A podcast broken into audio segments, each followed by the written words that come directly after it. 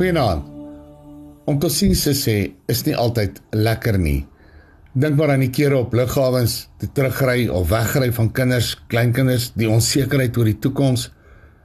Moses het gesê dat hy te oud is om oorlog te maak.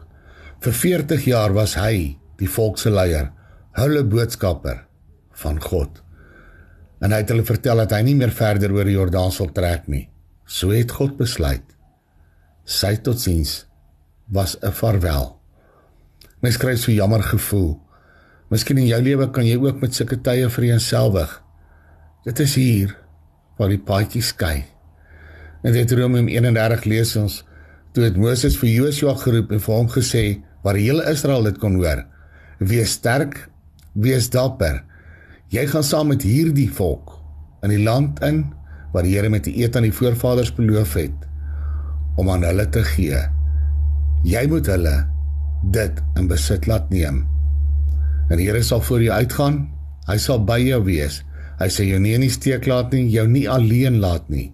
Moenie bang wees nie en moenie skrik nie. Maak dan nie saak of jy soos Moses voel nie of in sy posisie is nie. Ook nie soos Josua met sy nuwe opdrag as leier nie. Dalk voel jy die onsekerheid aan van die volk oor wat gaan gebeur. Wat wag? In al die uitdagings wat die lewe bied. Mag die ekko van hierdie woorde jou aanspoor.